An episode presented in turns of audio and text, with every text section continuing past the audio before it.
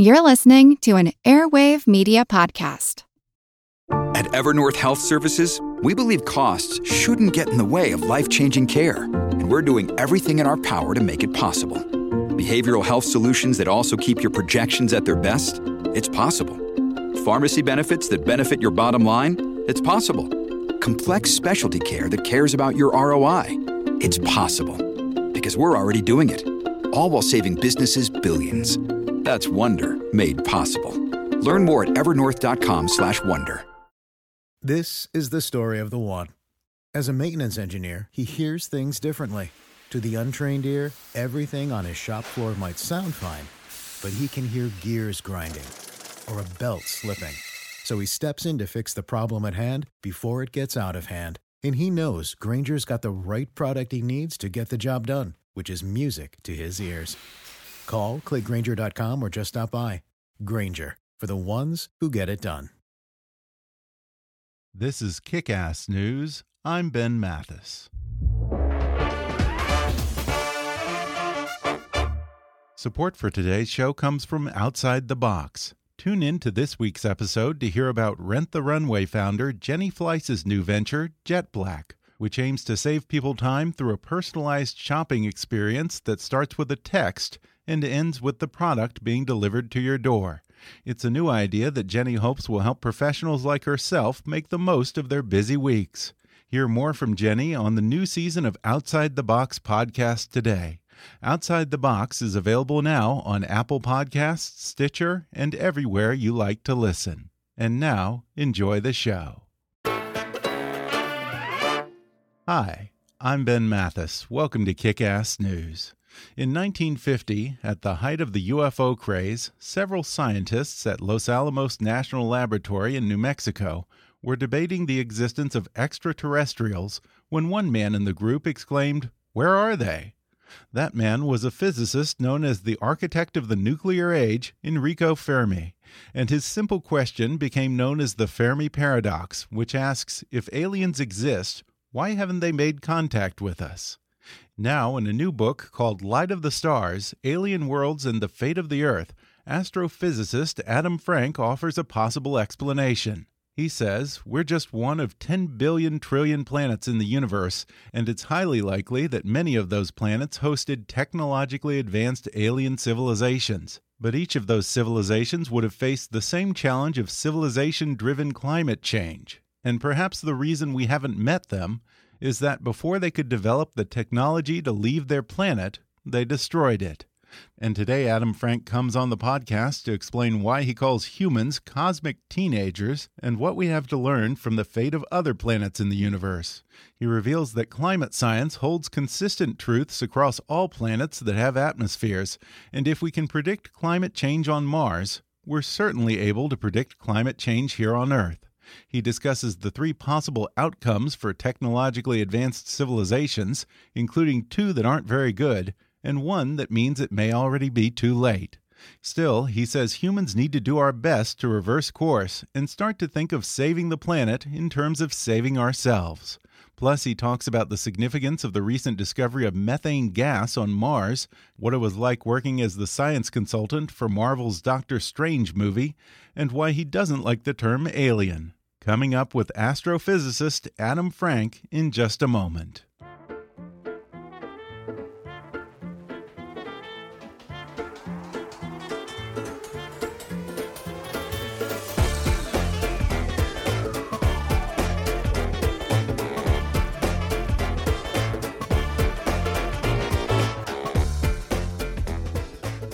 Dr. Adam Frank is a professor of astrophysics at the University of Rochester. He's a co founder of NPR's 13.7 Cosmos and Culture blog and an on air commentator for All Things Considered. He's also served as the science consultant for Marvel Studios' Doctor Strange. Now he's written a fascinating new book called Light of the Stars Alien Worlds and the Fate of the Earth. Professor Frank, thanks for coming on the podcast. It's a great pleasure to be here. Well, I really enjoyed Light of the Stars because it ties together so many seemingly disparate topics from climate change and how civilizations develop and implode to the search for alien life. But apparently, you don't like the term alien. Why not? Well, the main reason I don't like aliens is the snicker effect. Okay. So, scientifically, when we talk about aliens, we have been polluted by, as I like to think of it, prosthetic foreheads, right? We've had, you know, whatever, 70 years of bad television uh, and science fiction movies where, you know, the aliens are basically look like us with prosthetic foreheads. Yeah. And a lot of it is so laughable that uh, that combined with the UFO craziness has, you know, for many people in the scientific community, sort of poisoned the water a bit. So if you wanted people who actually did SETI research, you know, sometimes they'd be looked at askance by by others. Um, I mean, it's fine to use aliens, but we recognize what we're really talking about are exo civilizations because we now have exoplanets. We now know that every star in the sky has, or you know, almost every star in the sky has a family of worlds of planets. We didn't know that 30 years ago. Uh, so we call those exoplanets, and there's a huge amount of research going on right now to articulate what possible biospheres there. So we talk about exobiospheres. So it's time to take seriously the possibility of exo civilizations. Mm-hmm. That shouldn't be somehow crazy to think about anymore. Yeah, and just by the sheer numbers, I mean, we have to assume that there have been exo civilizations like ours before, or there are some now. And, and that sort of gets to the Fermi paradox, which is usually what skeptics point to, which says if there is intelligent life somewhere, how come we've never encountered it by now? You propose a possible explanation to the Fermi paradox that gets to really the heart of what you talk about in your book. Tell us about your theory. So um, let's just break the Fermi paradox into a couple things. First of all, when it comes to uh, evidence from uh, looking at other stars, I don't think there is a paradox in this sense that people have this idea that somehow we've searched the whole night sky for signals from other uh, intel or other uh, intelligences, and that is just not true. The amount, the number of true SETI searches is tiny. It's never been funded. There really has never been a time when NASA pumped a huge amount of money into doing these searches. So, as the great um, SETI researcher Jill Tarter once put it, it's as if we have an ocean to search, and all we've looked at right now is a thimble.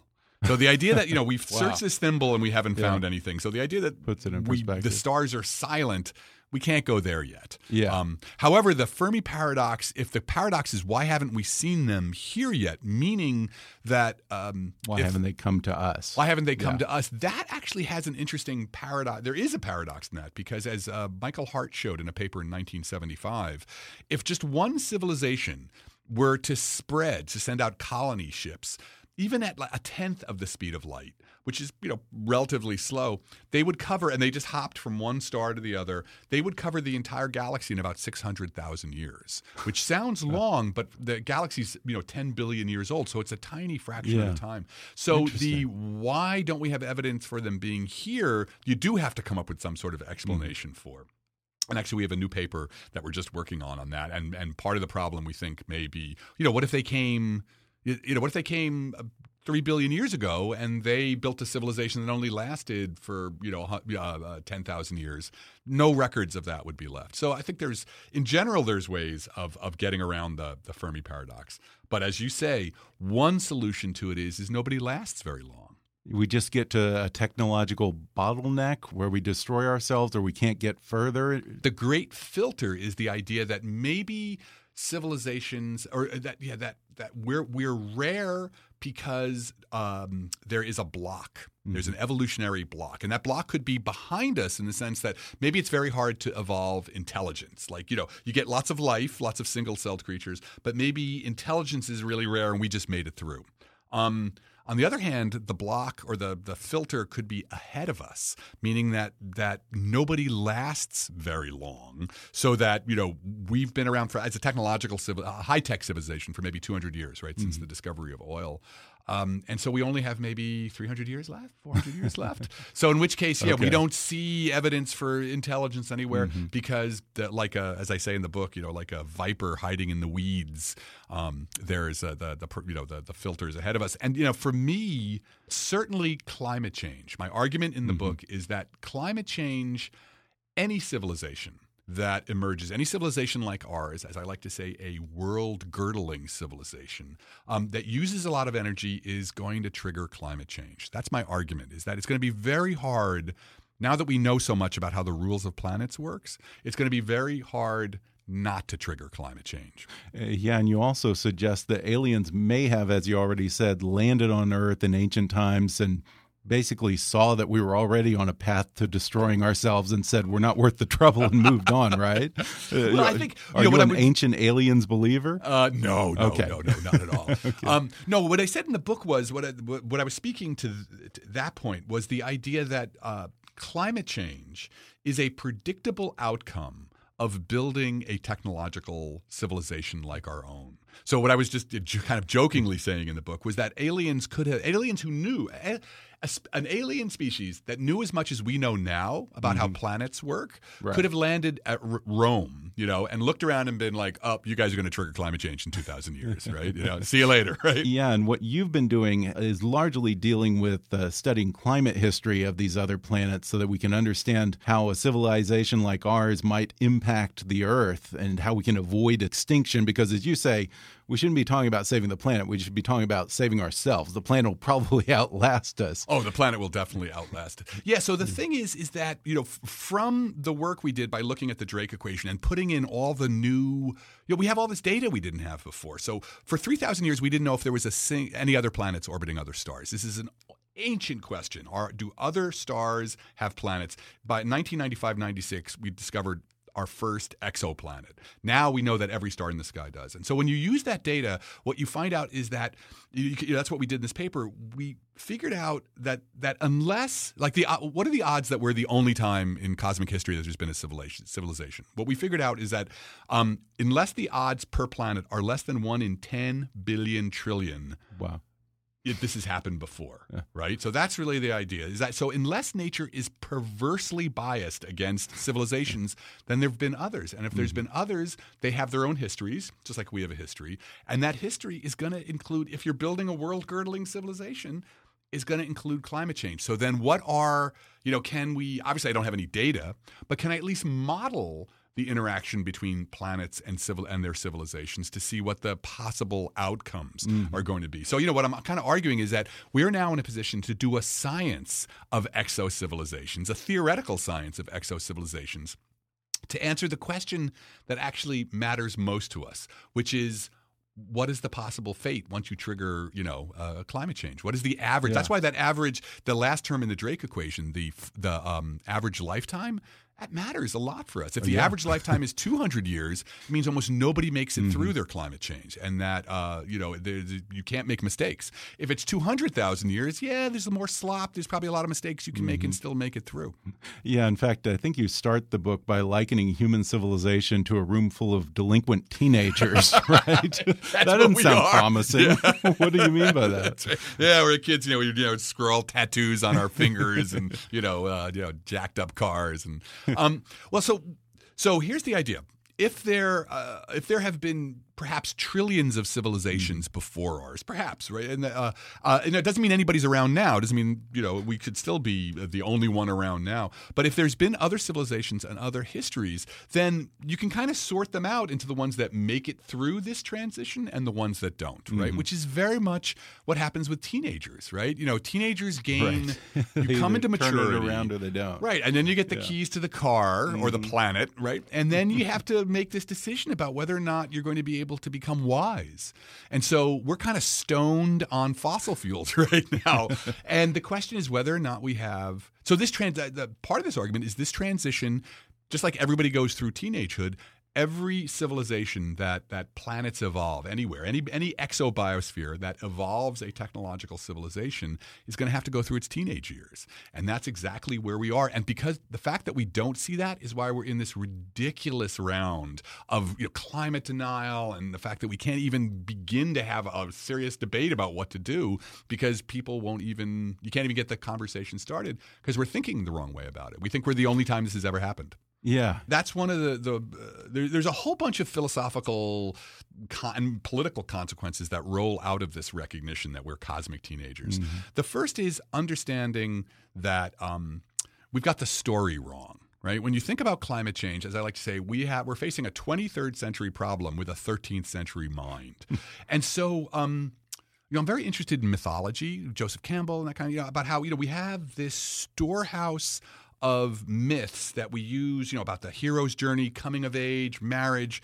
We don't have anything for climate change. This is like a new Yeah. thing humanity is going through. Yeah. There's flood narratives, but that's different from Yeah. what we've done. Yeah, And but so- when science is up against religion, they tend to have the better story. Right, and, right, and there's right. nothing really to compete with that, which is a problem. Right, and that's exactly it. So we don't, and human beings understand. We understand ourselves through stories, Mm-hmm. right? So I can show scientists understand the world through graphs and you know and, and equations, but most people don't. So if you don't have a story, a, something that's been raised to the level of a story that we all understand about ourselves, then you're just going to flail around in confusion. So Mm-hmm. right now, what's happening to us is we're at the verge of developing a new story. And this this idea that we're one of many civilizations, that we are a cosmic teenager, for me is part of this development of a of a, a new mythology in some sense to guide us. Because the only story we have when it comes to climate change is either the climate denial thing, which is it's not happening, or we suck. Right, that's really what you get, and this is where I sort of push back against. You know, I'm an environmentalist. I'm, you know, uh, I'm, you know, fully support the biodiversity in the biosphere. But there's a part of the narrative that we often get, which is human beings are a plague on the planet. We're terrible. You know, the planet can't get rid of. You know, can't wait to get rid of. We're a virus, Yeah. and that not only is that unhelpful, but it is fundamentally wrong. Right. I mean, what hubris to think that we're the first biological entities to influence the planet. That's in fact, you talk it. about Right. the very reason that we have oxygen Right. that keeps us alive Right. Is the result of uh, how biology altered the planet Right. many, many, many years ago. Yeah, that's what you know. So that uh, as I was doing the research for the for both the book and for the papers, going back over the history of the planet, you know, my jaw dropped. Water was so abundant. Now photosynthesis. Beforehand, photosynthesis was using the earlier versions had to use other kinds of chemicals, and there was only like iron, and there's only so much iron around to use. So it was limited in how much effective it could be. Once it figured out how to use water as the basis, it you know water's everywhere, so it exploded. But one of the consequences of using water was, pardon my language, farting oxygen. You know, oxygen was the outcome of using water in photosynthesis. And it changed, right? There's the only reason we're breathing right now is because of what happened 2.5 billion years ago with these, Yeah. this new kind of photosynthesis. So what people have to understand is we are what the biosphere is doing now. We're not a virus on the planet. We're the latest experiment that the biosphere is running. So we're not evil. We're not terrible. We're, we are what the biosphere is doing now. And what we have to understand is uh, we have to make the right choices. So we're what the biosphere is still doing, you know, a thousand years from now. Because, I mean, it's, I, uh, I have to be very careful about this because you know we're triggering a mass extinction, which is causing enormous suffering, which you know we ha- has ethical consequences.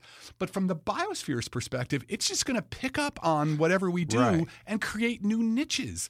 We're only here because there was a mass extinction 65 billion, uh, million years ago that took out the dinosaurs. So we have to understand that the, the biosphere will take the climate change we're driving and and use it for the next round of evolutionary innovation. Yeah, and you say that the period following the Ice Age that created these perfect conditions for humans to thrive and build a planetary civilization is now ending. That age, the Holocene period. Right. Uh, what comes after that? It's the Anthropocene. I- You know, so so it's this. What's it's remarkable, and again, this is how the the story changes. That human beings now are the drivers for many of the most important sort of levers in what's called the Earth system. So there's the oceans, you know, so the hydrosphere, the atmosphere, the cryosphere, all the ice, uh, the lithosphere, the rock, and the biosphere. And human beings now are like the driver for most of that functioning. So we are entering, this is scientists have recognized that we're entering a new geological era or epoch. And it's the it's called the Anthropocene. And the thing about the Anthropocene is it's going to be there even after if you know civilization collapses those triggers that we've pushed no those buttons that we've pushed they're taking the the earth systems in a new direction. So you know we may not be part of the anthropocene after another 3 or 400 years. But what it does is it shows something that's essential to understand about um our role and what, what's happening is that on on a certain level right we you can see it is that we are we are the age we are the biosphere's agent for doing the next thing. Just Mm-hmm. as the blue green bacteria that triggered oxygen atmosphere became the evolutionary driver for big brains, you know? Yeah, I mean, I guess there is something hopeful in the idea that we are thinking beings who have control over this as opposed to some kind of molecule or bacteria in the past. No, that's a beautiful idea because um you know there's the the Gaia hypothesis, right? So the um so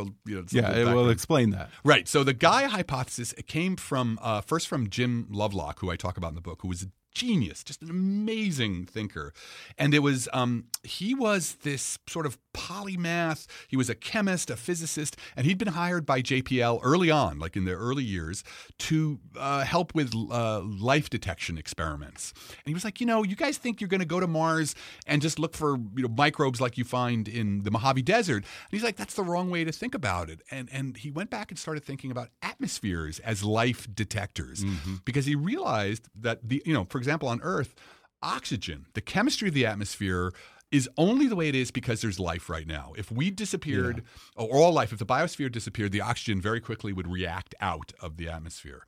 And then, so that was the first recognition, which we still use today in our as we're looking for life on other uh, Right. exobiospheres.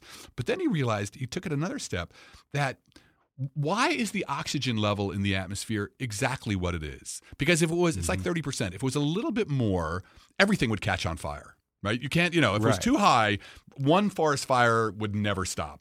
If it was too low, you couldn't have the kinds of uh, biochemistry that we have.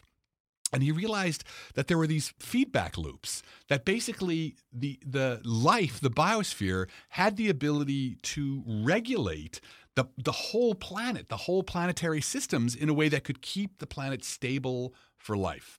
And then he brought in the great biologist Lynn Margulis. They got in touch, and she provided the the microbial background for Gaia. So the, the Gaia hypothesis was basically that the planet is some kind of like you can think of the biosphere as being this giant living organism, mm-hmm. like a cell that has you know homeostasis, just like our bodies are always at ninety six point eight degrees. The planet sort of does that. Now, people really, and they called it the Gaia hypothesis because Gaia is the Greek god of um, uh, of the earth. It, first of all, it got picked up by all the New Age. You know, it became very woo. Right, right. And so there were church, you know, that. churches of Gaia and Gaia Yeah. ceremonies and Gaia yoga camps. Um, and so, you know, a lot of scientists were like, "Oh God!" And the problem was, it had it was teleological. It sort of it seemed to people like it was saying, like, "Oh, the Earth has a goal in mind, and that's what it does." You know, and so it regulates the planet with this goal. And of course, you know, evolution has no goal. Evolution is blind what Lovelock and Margulis pushed back on, and they showed that really there is no teleology. Um, and so what eventually happened was is that uh, Gaia, the word got dropped, but the basic idea of the life being a major player in the planet's history was picked up and called Earth systems science. Yeah. And so for us to come into some cooperative relationship with the biosphere means the planet wakes up, right? The whole planet becomes, in some sense, you know, and I mean this, I want people to understand what I mean this, but it becomes conscious, right? There's a there's a conscious goal of the the the technological species trying to work with the biosphere to to bring the planet into some kind mm-hmm. of long-term sustainable version that both has a healthy biosphere with lots of biodiversity and this very, you know, uh, energetic technological civilization. So we're the completion of Gaia. That's the way I like to think of it. Well, then I have to ask you about this recent Mars discovery that NASA announced. Um, I get why the possibility of ancient organic material on Mars is important, but they also said that they found methane gas fluctuations. Why is that significant? Yeah, well, because methane is, you know, there's ways of producing methane that are non biological, right? Um, so, you know, it's possible. But we also know that methane, you know, there are lots of microbes that like to eat methane or, you know, produce methane. The fact that we see the methane and we see its variations, it's just, it's like, well, we don't understand why, right? We don't understand why first of all we, we don't necessarily understand why there's methane at all it's in very low concentrations but the fact that there's seasonal variations that's just another piece to the puzzle. It may end up having nothing to do with life but on the other hand that com- uh, combined with finding these organic um, chemical compounds both of these things sort of point to the fact that mars may be a lot more interesting than for life than than we thought. And you know, it's funny because you know, at first Mars, everybody thought Mars had life back in you know 1890, and then Yeah. you know people recognized that that wasn't the, canals case. or whatever. yeah, well, they, you know, there was the War of the Worlds. Mars was, Right. uh, yeah, there, the canals, right? That was exactly it. And then when uh, Mariner Four flew by Mars and took pictures, and it was all craters. It just looked like the moon. It was such a bummer, you know, it just looked like this dead world. but then Mariner Nine hmm. went by a few years later, and you saw all the dry riverbeds, mm-hmm. what what looked like dry riverbeds. So you know, it's been a long road, but now we know that Mars Mars was a blue world for a while. Yeah. you know? We're going to take a quick break, and then I'll be back with more when we come back in just a minute.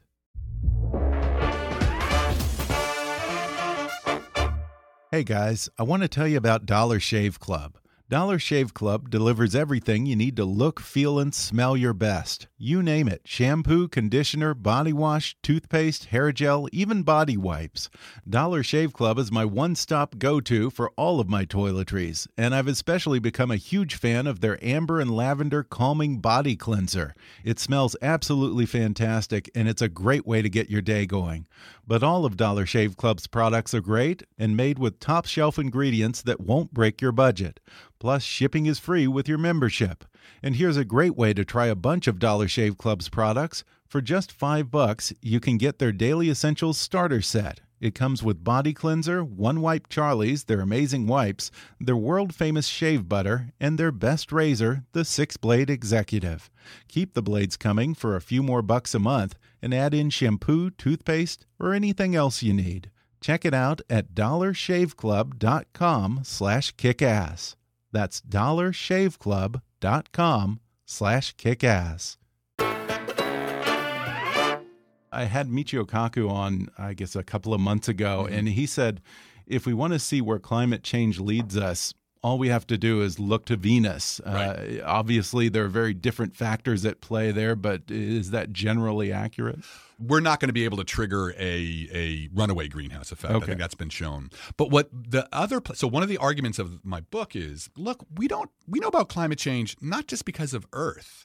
We have other planets that we have been studying now for decades. So in fact, one of the things that really taught us about about the greenhouse effect i- it was Venus, and it was Venus was I tell the story in the book the first uh, uh, interplanetary probe ever sent or ever successfully sent. And so the first thing we did when we launched our space age was get to Venus, and it showed us this world that look should have looked like Earth. It's many ways it's a it's a twin of Earth. It's a little bit closer, so maybe it should be like a little more jungly, but instead it's you know 700 degrees, 800 degrees Fahrenheit, and you can the atmosphere is so dense that you you know a submarine would get crushed.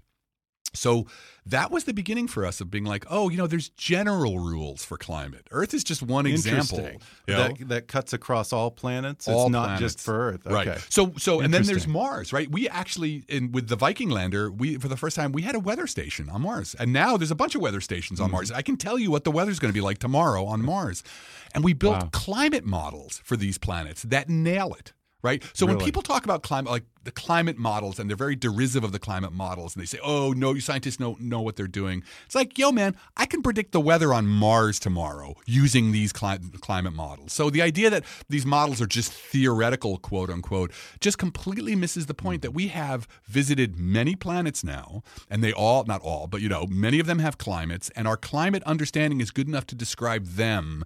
And all that research comes back to the climate models now. So one of the great examples, if I can just hmm. throw this in, was um, uh, nuclear winter. Right, so in 1984, during the height of the, um, the you know, sort of the, the that part of the Cold War with Reagan and, and Russia, um, Carl Sagan and a group of other scientists published this paper showing that if you even let off a few nuclear weapons, it would throw so much, the fires would throw so much soot into the atmosphere that the planet would warm and, and crop uh, crops would fail. And it was this was really very important in the whole route of nuclear disarmament because Reagan actually he knew about this and it scared him. Uh, and those models, that was a climate model, and that climate model used what goes on on Mars. It used the Martian dust storms. Period. Right now, Mars is having a huge dust storm right now that blots out the sun. And so it was only by seeing this happen on Mars, by building climate models for Mars with dust in it, that we were able to incorporate those models for our own understanding of, of the Earth. And that's now why we know how dangerous nuclear war would be. So that was Yeah. the first time Wow. A, a, a a climate model we used in a political debate, and B how a climate model based on extraterrestrial physics was used. So we are people have to understand we're in a new era. We you know we have lots of planets now to start studying. The ones in our solar system we've sent robots to, and now we've got all these other planets to study. So it's not we shouldn't see the Earth as this isolated one-off. Um, uh, everything's new. We don't know how to turn. It's like no, we have other stories to tell, which will help us. Uh, Yeah, now your team is incorporating a lot of different fields, such as astrophysicists like yourself, astrobiology, climate science, population biology. Right. It, it sounds like it's really all hands on deck, I guess. Yeah, yeah. We have one of the for the paper on the um, exo civilization trajectories where we were modeling uh, planets and civilizations. One of our collaborators is an urban ecologist, you know, who who thinks about Wow. how you know how um, new species emerge. Because of you know human impacts, not just you know there, there's there's species we're destroying, but we're also creating some species as well. So yeah, those that that paper you know, much of my argument is that it's we, we are now able to do a science of exo civilizations. We're just starting, like we're just at the point because of what we've learned about from other uh, planets that we can take the first step. And in those models, what we did is we looked at the coupling between a civilization and its population and the planet and the planetary state. So the basic idea is that the civilization uses the resources from the planet and that cr- increases its birth rate right and so Okay. that's like the That feedback that's one Yeah. feedback but by using those resources and having their numbers grow they start to have a, an impact on the planet dragging it Mm-hmm. out of the state that it started in right we started in the holocene and now we've pushed ourselves into the anthropocene so what we wanted to do was model that generically and this these first this is the first cut at it essentially. So we did it in a very simplified way. Um, there's going to be a lot more to do. But even these simplified models gave us such rich behavior. And we the interesting thing is um, I had to teach myself the mathematics of population biology. I'm a theoretical uh, physicist or astrophysicist. So I had to go into the literature and find, well, how do population biologists talk about, you know, uh, on an island you have, you know, some species and how they interact. And it took me a while. It took me almost a year and a half. And what happened, what really made it work was I found models for Easter Island. Yeah, that was fascinating. Yeah, yeah. So Easter So Island what is did that tell us? Well, so Easter Island is sort of this er example of the ecocide. Now, Mm-hmm. eh, people recognize that it's more complicated. There's not a simple story for um, uh, Easter Island, but but basically, you had you know Easter Island's in the middle of nowhere, and around 400, you had um, it was it was colonized by amazing Polynesian sa- uh, uh, sailors, settlers. Um, and then you had the population rose up to maybe like 10,000, 12,000 or so, and then dropped pretty quickly. And it looks like it's kind of hard to get around that that overuse of resources was a big part of it. There may have been other factors, but you know there was definitely a component of that. Right. And you can well, map- it kind of is its own little planet there because it's completely isolated, so that you do have limited resources. So And there's you, I can see how you can kind of model that off Right. of that on a small scale. Right. Yeah. No, no, that's exactly it. There's there's it's you know, the earth is an isolated island where there's nowhere to go Mm-hmm. and finite resources. So we actually adapted the models, the literal mathematical terms from that. And what we found were um, basically three classes of trajectory, you know, history. Um, the first one, and I always want to point this out uh, uh, because when the news, there was a lot of news when you know the, the, the this paper was covered, and everyone was like, "Everybody's going to die." You know, scientists show that all aliens die. It's like, no. Uh, the one class of trajectories was sustainability. That Okay. the, the population rises, the planet starts to heat up, so to speak. You know, the, the environment changes, but there was you could come into a stable equilibrium very softly. You know, so you just rose, and then everything, the population levels stabilized, the temperature stabilized. So Okay. there was really good news in that. That's okay? good.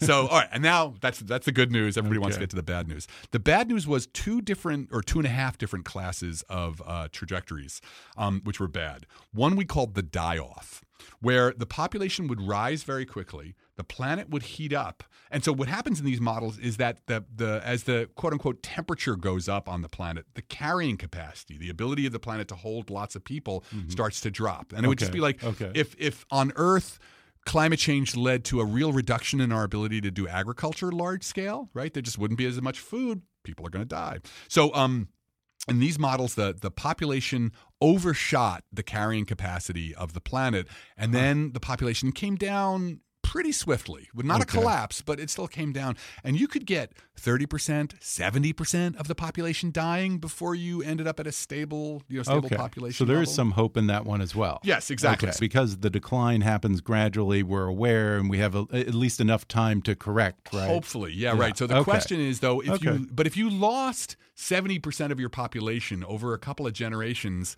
Yeah. that that's what I worry about. Is that Yeah. um, uh, technological civilizations, civilizations are basically ne- layered networks. There's like the transportation. Right. network, the energy Yeah. distribution network, the food distribution network, and we know that individual networks can be robust. Like you can snip out a few links between you know one grocery store and another, but if if they're layered and they're connected, then a disruption in one network can just blow apart the whole system. Mm-hmm. So so one fear would be that even with a die off, that actually the the organ you know you would just lose your technological Yeah. civilization. Yeah. Um, but maybe not. So that's Okay. so there's maybe hope there. Okay. How about the third? That third, no hope whatsoever. The third was what we called collapse. You know, it was just basically the uh, civilization, the population rose very quickly, the planet heated up very quickly, and then the numbers just came down like a stone Hmm. to zero. Like it was true extinction. You know, that's pretty dramatic. I'm not sure if that would happen, but it really meant it was a very, very Mm-hmm. rapid loss of your population, and that certainly, you know, if you lose 99.9 percent of your population in less than a Yeah. generation,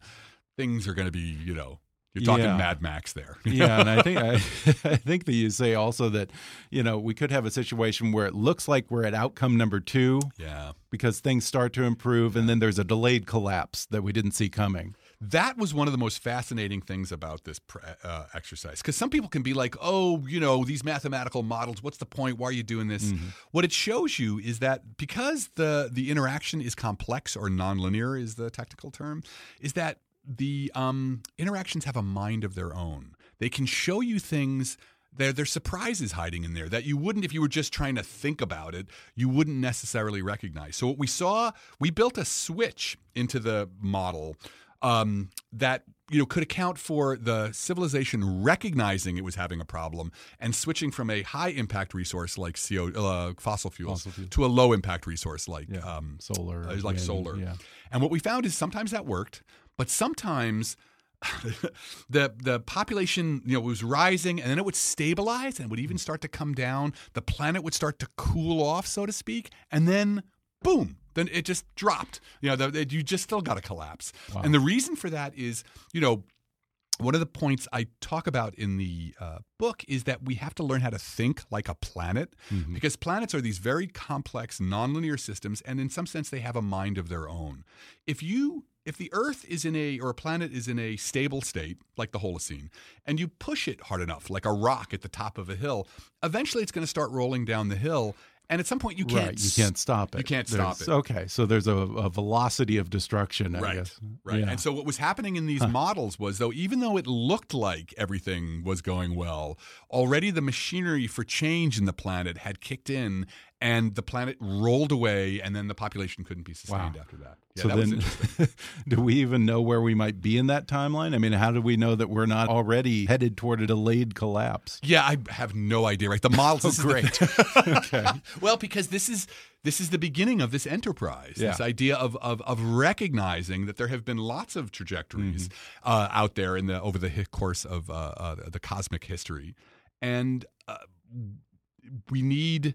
You know, uh, what we've just recognized is that we can do this enterprise, and so now the next step would be to actually build in more realistic climate models and Mm-hmm. Okay. and and more realistic interactions in terms of resources.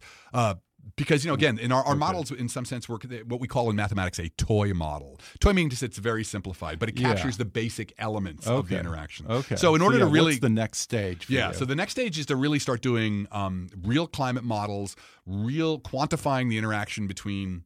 So here's an interesting thing: when it comes to energy, a young civilization like ours, there's only so many choices, right? Either you've got, you know, maybe you have fossil fuels, maybe you don't. Maybe you're just burning biomass. So you've got you can, can burn things. You could you have wind. You'll have um, solar. You'll have uh, uh, um, water, hydro. So there's a, but there's only it's a finite list, right? There's only Yeah. a certain amount, and we can quantify what the impact of each of those is. We already know the impact of burning stuff, right? Um, but like people have done studies of solar, show, uh, not solar, wind, showing that if you tried to power the entire planet with wind, you'd still have an impact. You'd have, you know, the equivalent of or something like two degrees of warming. So there's no, you know, this Just is the important from, lesson from the windmills or, from or the, what? from because you're extracting. This is the beautiful thing. It's the law, second law of thermodynamics, Okay. which says you can't use energy to do work without there being some waste. Wow. There's just no way around it, right? There's just that's the way the universe Okay. is built. So if you're going to extract energy from winds mm-hmm. to power turbines to then run, you know, to build your civilization, yeah. what happens is basically it's the turbulence that you generate downstream mm-hmm. from having all those windmills there's an impact. And it's a it's a much lower impact and you can you know that's what you should that's the direction you should go but there still is an impact. So part of the lesson here is recognizing that there's always going to be some impact. Okay. that that again this goes back to what we are talking about before. We're part of the biosphere. We're a very successful species. Successful species always have impacts. And recognizing you know which well which kind of impact do you want to have and how do you navigate? That's what the, Yeah. these new models will tell us. Because if we do if the point here is to run that model not just for us because you know these models their their individual predictive ca- capacities. Is going to be limited. It's, it's you can't it's very hard to predict individual futures but you can predict average futures right? So just like Mm-hmm. Um i want to you know you go to a doctor and you have got something wrong with you. If you were the only person the doctor could study be kind of limited what he could do for you. But by looking at lots of people with lots of different kinds of diseases maybe like yours you learn more by studying lots of planets, some planets, you know, with that are civilizations that are on planets that are closer to their stars, that are further away. Some civilizations start with uh, solar. Some civilizations by by looking at running the models for like a universe, a theoretical universe of uh, planets. Will what we'll see is a what is the average lifetime. And B, the ones that make it through, what is the characteristics of the of the histories where they make it through, Mm-hmm. right? And that'll teach us something about what the what the best class of actions you can take. Yeah, because it does seem like it's pretty delicate work. The thing that I've always wondered is suppose that we do stop 99% of the CO2 that we're putting into the air. Is it just problem solved, or is it possible that if we reduce CO2 by too much, suddenly we have another set of unintended consequences Right. to deal with? Right. Well, that's why that's why you have to run a lot of models. You have to do you know as as um you know, in many ways this whole project was inspired by Jared Diamond's book Collapse, which Mm, yeah, I recommend yeah. to everybody. Just a brilliantly written book. Um and so, you know, his is just the way he phrases a uh, you know places the the argument I think is beautiful.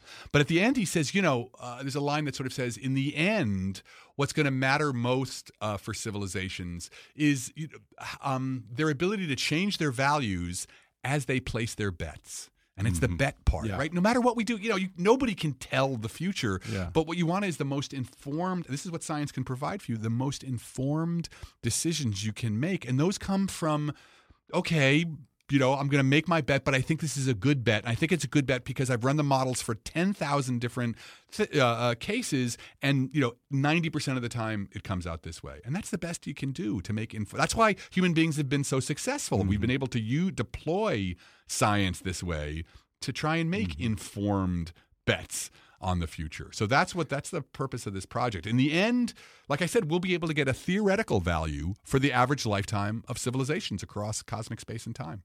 Yeah, but it must, I'm sure, be frustrating for you when, you know, before we can actually really start making those bets, we ha still have to convince everyone that there is such a thing as climate change. I mean, you know, I'll be honest, you know, scientists have done a pretty poor job of explaining it, frankly, because I pretty much rely on the fact that you, Neil deGrasse Tyson, Richard Dawkins, Michio Kaku, all these people that I admire and respect, who I think are way smarter than me, all seem to agree on man made climate change. But if I have to make an argument myself with a friend or a colleague who doesn't believe in climate change, honestly, I don't know what to say. I don't know what scientific evidence to point to, and it's too complicated to express succinctly. Is it possible to distill the case for climate change into a two or three minute argument? But uh, let me let me put it this way: Help me out. Why do you even have to? Right? Your friend is using antibiotics, and he's not going. Uh, uh, uh, you're going to the doctor like, "Hey, man, these antibiotics. This is all a hoax." Right. Until you explain to me entirely what you know. That- and, okay, that's and, a he, good and point. he's getting on an airplane. is he going over to the pilot like, "Wait, explain to me aerodynamics because I think that's cra-.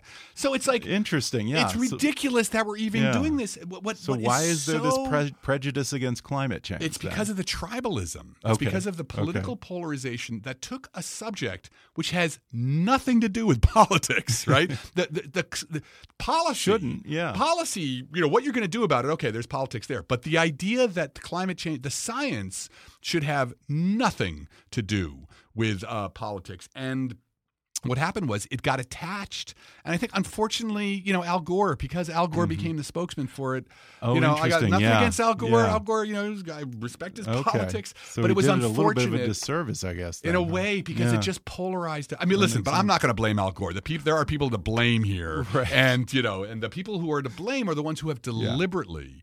Um, uh, you know, mischaracterized or Yeah. purposely sowed doubt on the science and the scientists, Mm-hmm. right? Because the whole idea that that, as you say, that that everybody in our civilization is participating probably you know 10,000 times a day in science. They're using science without asking a single question about it. They they take the fact that some man or woman out there did the work to make sure that when I put the cell phone to my head, it's not going to explode, right? or that when I get on the airplane, Well, even it's not that gonna not one hundred percent.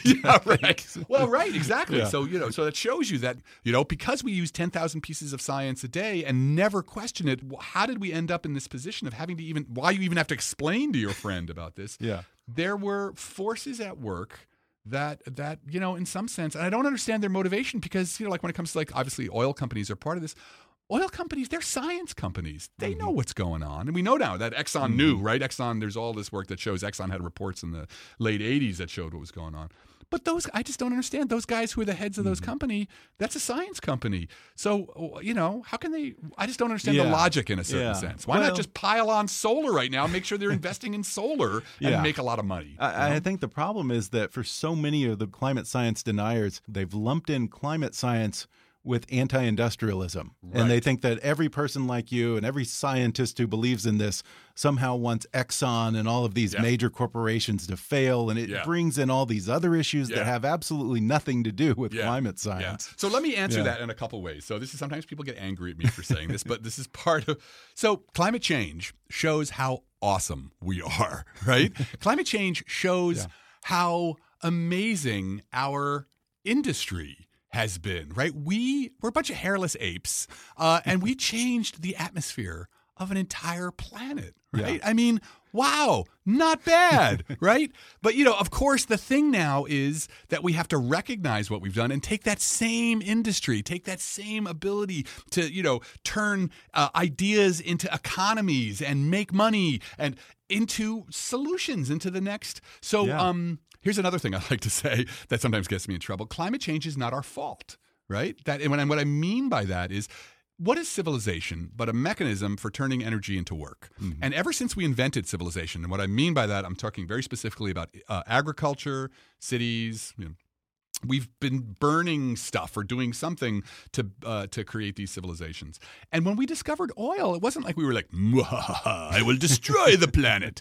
What we did was like, "This stuff is great." You Yeah. know, you can like heat your home. I'm not cold in the winter. And, oh my god, I can build an internal combustion engine. It was amazing.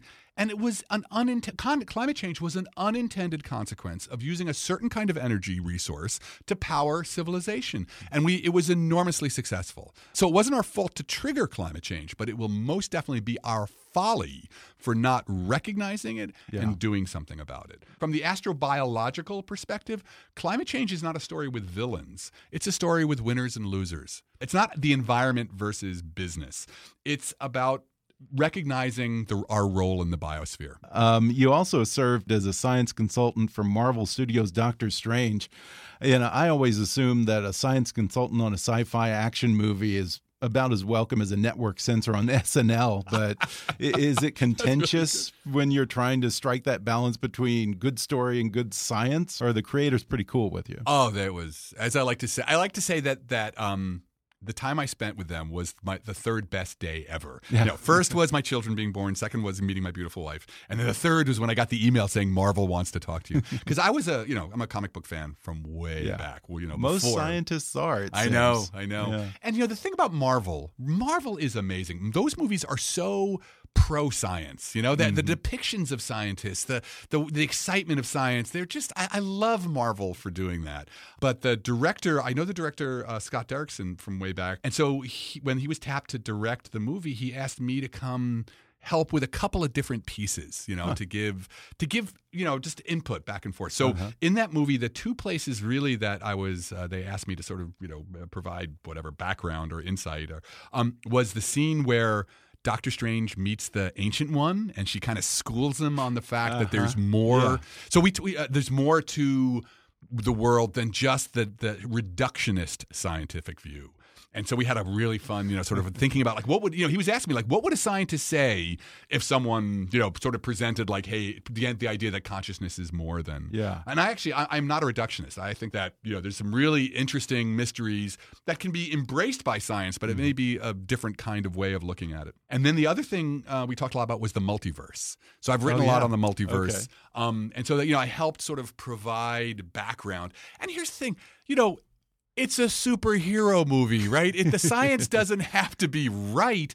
They just Yeah. have to get the flavor of it. right. Okay. They ha- and that's all I'm asking. Like, I'm not one of these people who, if I they mean, do it there is really, a fiction part to the science exactly, fiction. Yeah. right, right. And if it's done, if it's done really stupidly, then that's kind of like then I just don't want to watch. Mm-hmm. Yeah. But the best science fiction is when you build a universe with a consistent set of rules, which maybe resemble the rules of physics, Yeah. and then you keep the characters have those, keep them in those constraints. Mm-hmm. And I think Marvel has done that Yeah. beautifully. Well, I also really enjoyed the book. Once more, it's called Light of the Stars Alien Worlds and the Fate of the Earth. Adam Frank, thanks so much for talking with me. Oh, it was a great pleasure. Thank you.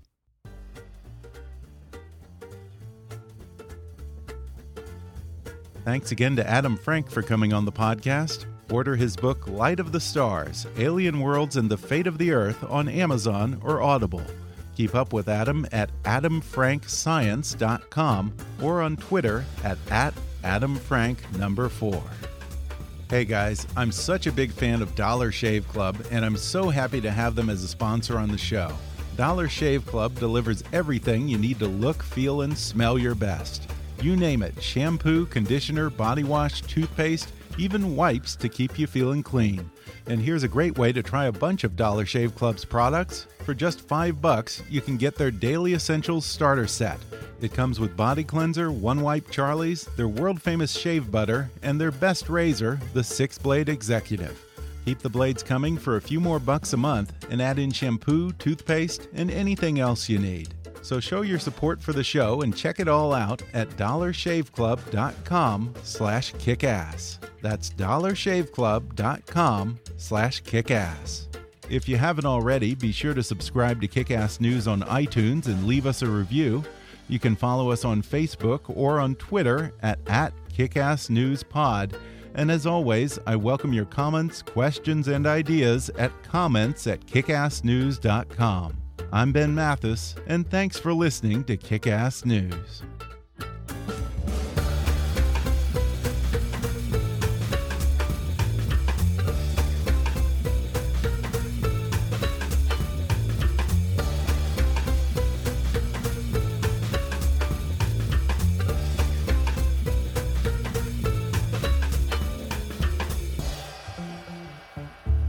Kickass News is a trademark of Mathis Entertainment, Inc.